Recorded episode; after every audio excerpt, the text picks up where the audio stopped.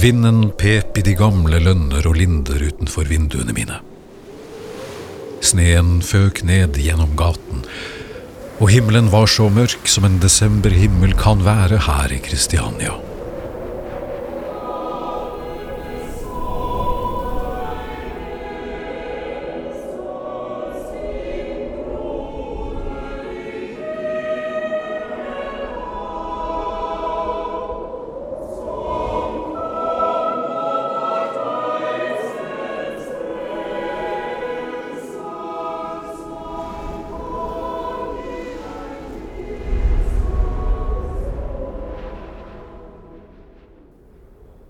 Humør var like så mørkt. Det var juleaften, den første jeg ikke skulle tilbringe ved den hjemlige Arne.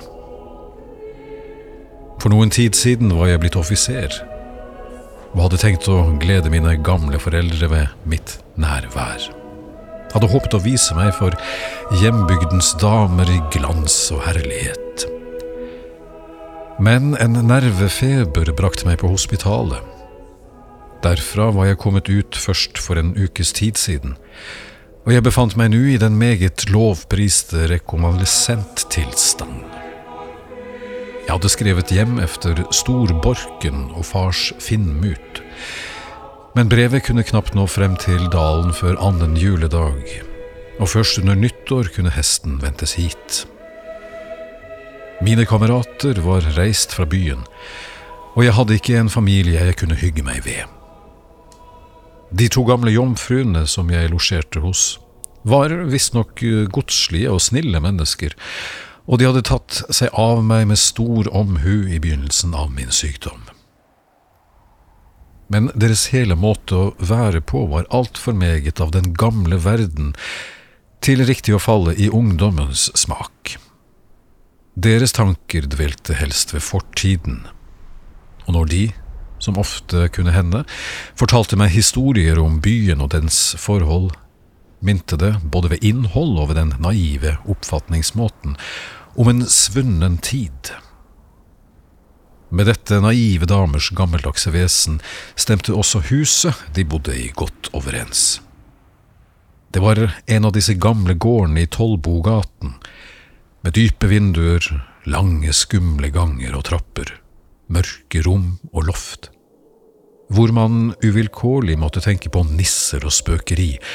Nettopp en slik gård, kanskje det var den samme, som Maurits Hansen har skildret i sin fortelling Den gamle med kysen.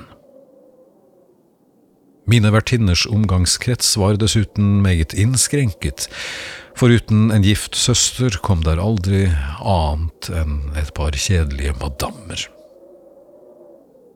Det eneste opplivende var en vakker søsterdatter, og noen muntre, livlige brorbarn, som jeg alltid måtte fortelle eventyr og nissehistorier. Jeg prøvde å adsprede meg i min ensomhet og min mismodige stemning ved å se på alle de mange menneskene som ferdes opp og ned ad gaten i snøfokk og vind, med rød-blå neser og halvlukte øyne. Det begynte å more meg å iaktta livet og travelheten som hersket over i apoteket. Døren sto ikke et øyeblikk, tjenestefolk og bønder strømmet inn og ut, og ga seg til å studere signaturene når de kom ut på gaten igjen. Det så ut til at noen greide å tyde dem, men andre sto lenge og grunnet og ristet betenkelig på hodet. Oppgaven var nok vanskelig for dem. Det skumret. Jeg kunne ikke skjelne ansiktene lenger, men stirret over på den gamle bygningen. Således som apoteket da var, sto det med sine mørke, rødbrune vegger, spisse gavler og tårn med værhaner og blyvinduer som et minne om bygningskunsten i fjerde Kristians tider. Bare svanen var da, som nu, meget adstadig, med gullring om halsen, ridestøvler på føttene og vingene spent til flukt. Jeg var just i ferd med å fordype meg i betraktninger over fengslede fugler da jeg ble avbrutt av støy og barnelatter i sideværelset og en svak jomfrunalsk banking på døren. På mitt kom inn, tren den eldste av mine vertinner, jomfru Mette, inn med et gammeldags kniks, spurte hvordan jeg hadde det, og ba meg under mange omsvøp ta til takke hos dem om aftenen. De har ikke godt av å sitte så lenge alene her i mørket, snille herr løytnant, la hun til. Vil De ikke komme inn til oss med det samme? Gamlemor Skau og min brors småpiker er kommet, de holder jo så meget av de glade barna.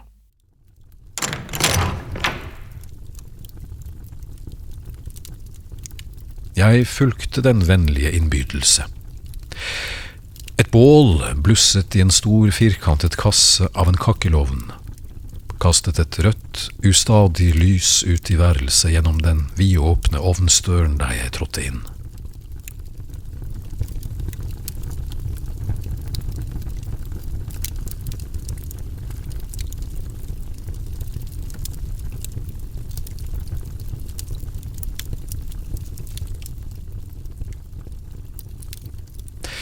Veggene var prydet med oljemalerier. Portretter av stive damer med pudrede koafyrer, av oldenborgere og andre berømmelige personer i panser og plate eller røde kjoler. De må sannelig unnskylde, herr løytnant, at vi ikke har tent lys ennå, sa jomfru Cecilie, den yngre søsteren, som i dagliglaget alminnelig kaltes Sillemor, og kom meg i møte med et kniks, make til søsterens. Men barna tumler så gjerne ved ilden i skumringen, og morskau hygger seg også ved en liten passiar i ovnskroken. Passiar meg hit, passiar meg dit, du koser deg selv ved en faddersladder i skreddertimen, Sillemor, og så skal vi ha skylden, svarte den gamle, trangbystede damen som ble titulert mor Skau. Nei, se, god aften, far. Kom og sett dem her, og fortell meg hvorledes det er med dem. Eh, de er min santen blitt dyktig avpillet, sa hun til meg og kneiste over sin egen svampete trivelighet. Jeg måtte berette om min sykdom, og døyvet til gjengjeld en meget lang og omstendelig fortelling om hennes gikt og astmatiske plager. Til lykke ble den avbrutt ved at barna kom larmende inn fra kjøkkenet hvor de hadde avlagt et besøk hos det gamle husinventar Stine. Faster, vet du hva Stine sier, du? ropte en liten vever, brunøyd tingest.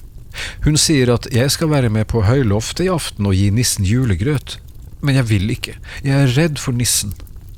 Å, det sier Stine bare for å bli kvitt dere, hun tør ikke å gå på høyloftet i mørket selv, tossa, for hun vet nok, hun en gang er blitt skremt av nissen, sa jomfru Mette. Men vil dere ikke hilse på løytnanten da, barn? Å nei, er det deg, løytnant, jeg kjente deg ikke, så blek du er, det er så lenge siden jeg så deg, ropte barna i munnen på hverandre, og flokket seg om meg. Nå må du fortelle om noe morsomt, det er så lenge siden du fortalte, og fortell om smørbukk, snille deg, fortell om smørbukk og gulltann.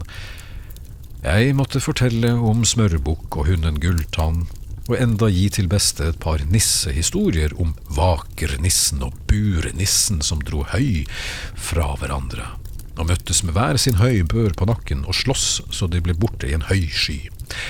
Jeg måtte fortelle om nissen på Hesselberg som ertet gårdshunden til mannen kastet ham ut over låvebroen, og barna klappet i hendene og lo.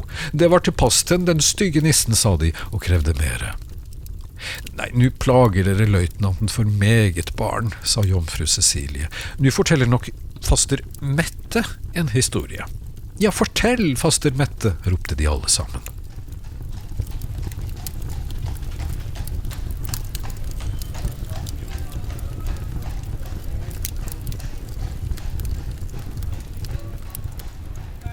Jeg, jeg, vet ikke riktig hva jeg skal fortelle, svarte faster Mette. Men siden vi er kommet på snakk om nissen, så skal jeg også fortelle litt om ham. Dere husker vel gamle Kari Gausdal, barn? Hun som var her og bakte flatbrød og lefse, og som alltid hadde så mange eventyr å fortelle? Å ja, ropte barna. Nå, gamle Kari fortalte at hun tjente på Vaisenhuset her for mange år siden. Den gang var det enda mer ensomt og trist enn det nå er på den kant av byen, og det er en mørk og skummel bygning, Weissenhuset. Nå, da Kari var kommet dit, skulle hun være kokke, og hun var en meget flink og fiks pike. En natt skulle hun stå opp og brygge. Så sa de andre tjenerne til henne, du må akte deg så du ikke står for tidlig opp, før klokken to må du ikke legge på rosten. Hvorfor det? spurte hun. Du vet da vel at det er en nisse her, og du kan nok vite at han ikke vil uroes så tidlig, og før klokken to må du slett ikke ha på rosten, sa de. Pytt, ikke verre, sa Kari. Hun var meget frisk på leveren, som de sier. Jeg har ikke noe å skaffe med nissen, og kommer han til meg, så skal jeg nok, den og den ta meg, føysen på dør. De andre sa hun skulle akte seg, men hun ble ved sitt, og da klokken vel kunne være litt over ett, sto hun opp og la under bryggekjelen og hadde på rosten. Men hvert øyeblikk sloknet det under kjelen, og det var liksom en kastet brannen utover skorstenen. Hvem det var, kunne hun ikke se.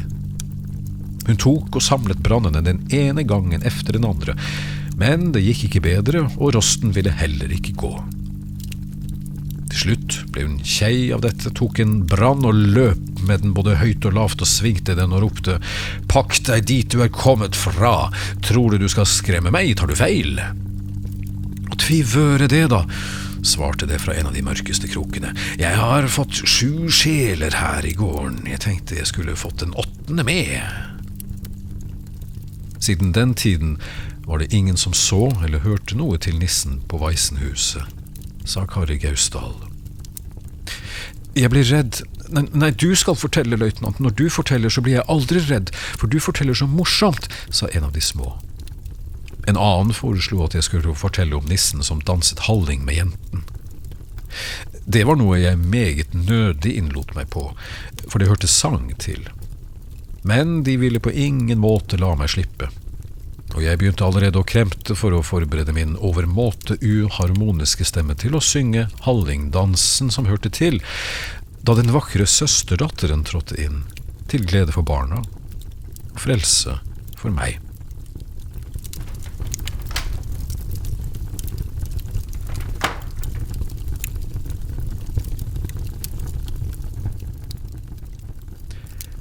Ja, nu barn, nu skal jeg fortelle, hvis dere kan få kusine Lise til å synge Hallingen for dere, sa jeg, da hun tok plass. Og så danser dere selv, ikke sant?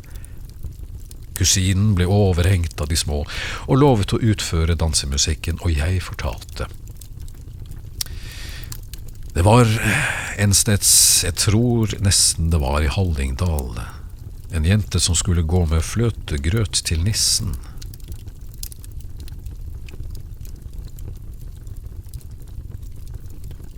Om det var en torsdagskveld eller en julekveld, det kan jeg ikke huske, men jeg tror visst det var en julekveld.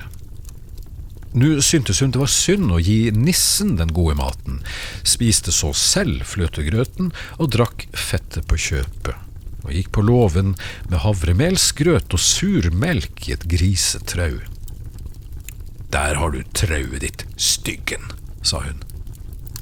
Men hun hadde ikke sagt det før nissen kom farende og tok henne og begynte en dans med henne. Det holdt han på med til hun lå og gispet, og da det kom folk på låven om morgenen, var hun mer død enn levende.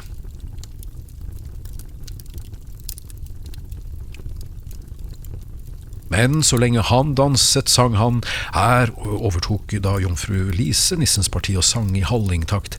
Å, du har iti opp grauten for tomten, du, og du skal få danse med tomten, du.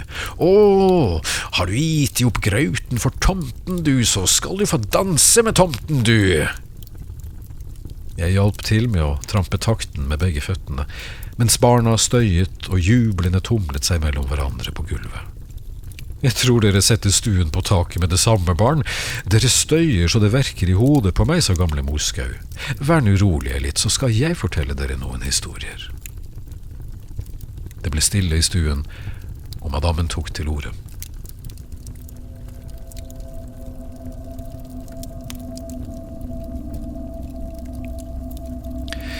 Ja, folk de forteller nå så meget om nisser og hulder og slikt, men jeg tror ikke stort av det. Jeg har verken sett det ene eller det andre av dem. Jeg har nå ikke vært hvitt i mitt liv heller, og jeg tror det er snakk. Men gamle Stine ute, hun har sett nissen, sier hun.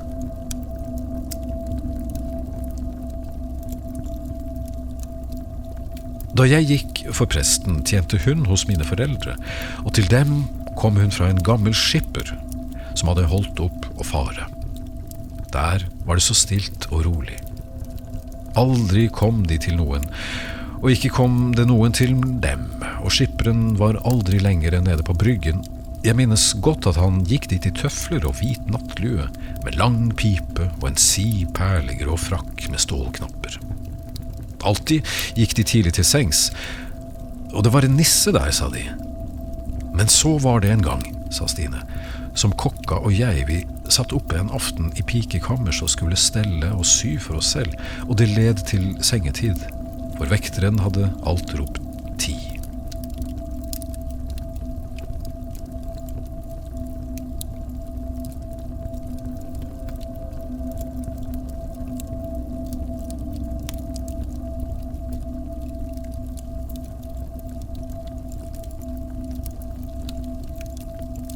Det ville ikke gå med syingen og stoppingen. For hvert øyeblikk kom Jon Blund. Rett som det var, så nikket jeg, og rett som det var, så nikket hun, for vi hadde vært tidlig oppe og vasket om morgenen. Men som vi satt slik, så hørte vi et forferdelig rabalder ute i kjøkkenet, sa hun. Det var liksom en som slo alle tallerkenene sammen og kastet dem på gulvet. Og vi for opp, sa hun, og jeg skrek Gud trøste oss, det er nissen. Og jeg var så redd at jeg ikke turte sette en fot i kjøkkenet. Kokka var nok fælen, hun også, men hun skjøt hjertet opp i livet, og da hun kom ut i kjøkkenet, lå alle tallerkenene på gulvet. Men ikke én av dem var i tu, og nissen sto i døren med rød lue på og lo så inderlig godt.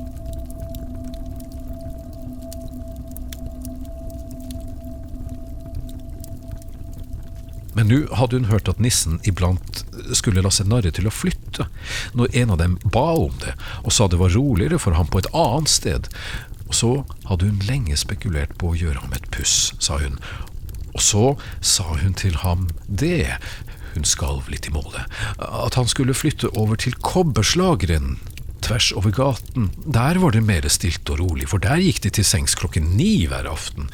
Det var sant nok også, sa hun til meg, men du vet nok det, sa hun, at mesteren var oppe og i arbeid med alle, både svenner og drenger, og hamret og støyet fra klokken tre om morgenen hele dagen. Siden den dag, sa hun, så så vi ikke mer til nissen over hos skipperen. Men hos kobbersmeden likte han seg godt, enda de hamret og banket hele dagen, for folk sa at konen der satte grøt på loftet til ham hver torsdagskveld, og da kan en ikke undres på at de ble rike heller, sa Stine. Og det var sant. De tok seg opp og ble rike folk. Men om det var nissen som hjalp til, det skal jeg ikke kunne si, la mor Skau til. Hun hostet og rømmet seg. Det var en usedvanlig lang fortelling for henne.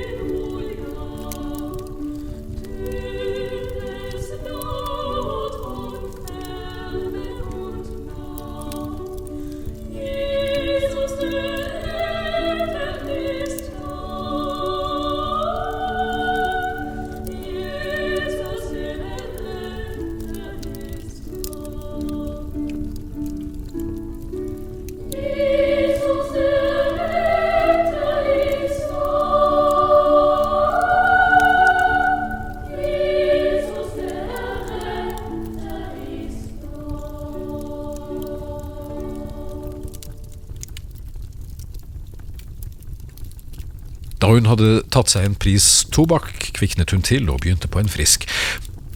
Min mor, det var en sandru kone, hun fortalte en historie som har hendt her i byen, og det en julenatt. Og den vet jeg er sann, for det kom aldri et usant ord i hennes munn. Madammen hostet litt og tok seg en ny pris og sa da min mor ennu var pike, kom hun stundom til en enke som hun kjente, som henne. Hva var det nå hun hette da? Madame Nei, jeg kan ikke komme på det, men det kan være det samme også. Hun bodde oppe i Møllergaten, og det var en kone noe over sin beste alder. Så var det en julaften liksom nå. Så tenkte hun ved seg selv at hun skulle gå i fropreken julemorgenen, for hun var flittig til å gå i kirken, og så satte hun ut kaffe for at hun kunne få seg litt varmt drikke, så hun ikke skulle være fastende. Da hun våknet, skinte månen inn på gulvet.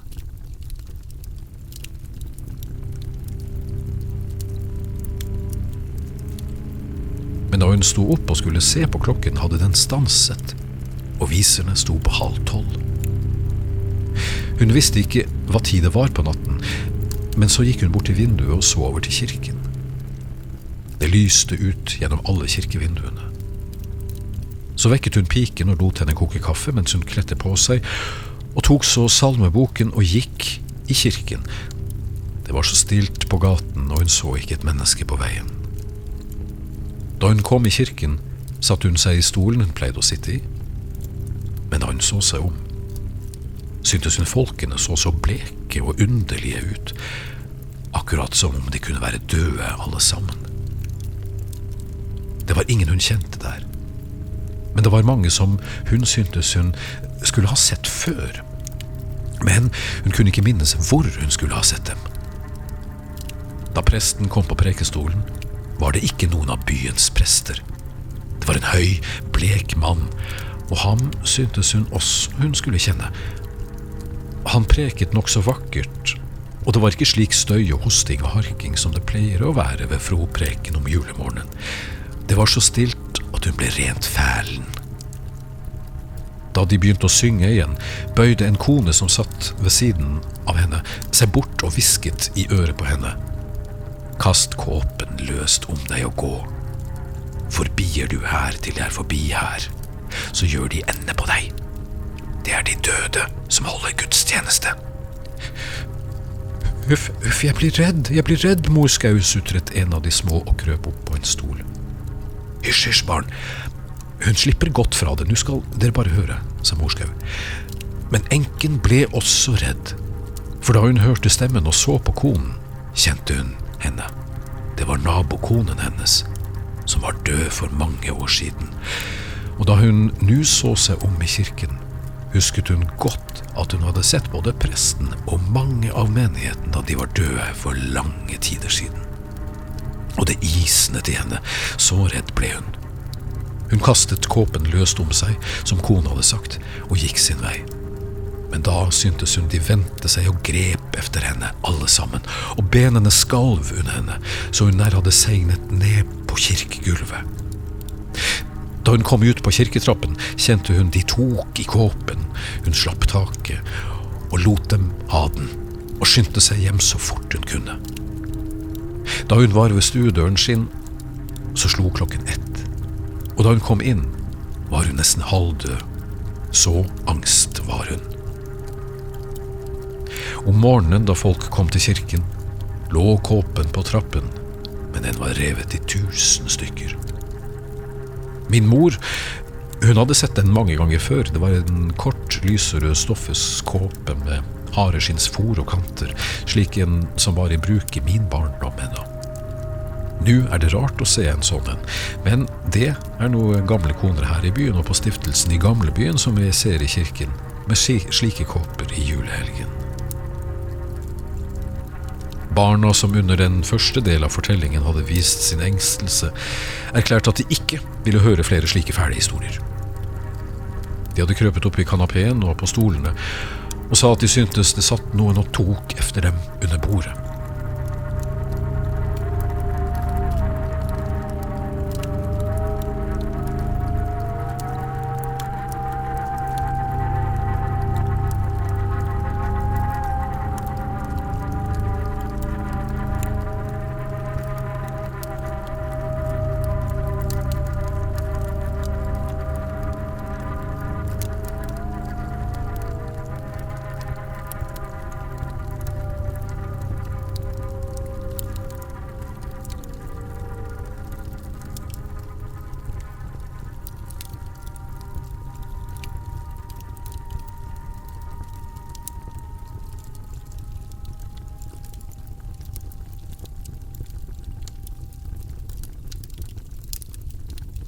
I det samme kom det lys i gamle armstaker, og vi oppdaget med latter at de satt med benene på bordet, alle barna. Lysene og julekaken, syltetøyet, bakkels og mjød jaget snart spøkelseshistorier og frykt på dør, opplivet sinnene og førte samtalene over på de levende og på dagens evner. Til sist kom risengrøten og ribbesteken og ga tankene en retning mot det solide. Og vi skiltes tidlig fra hverandre med ønske om en gledelig jul.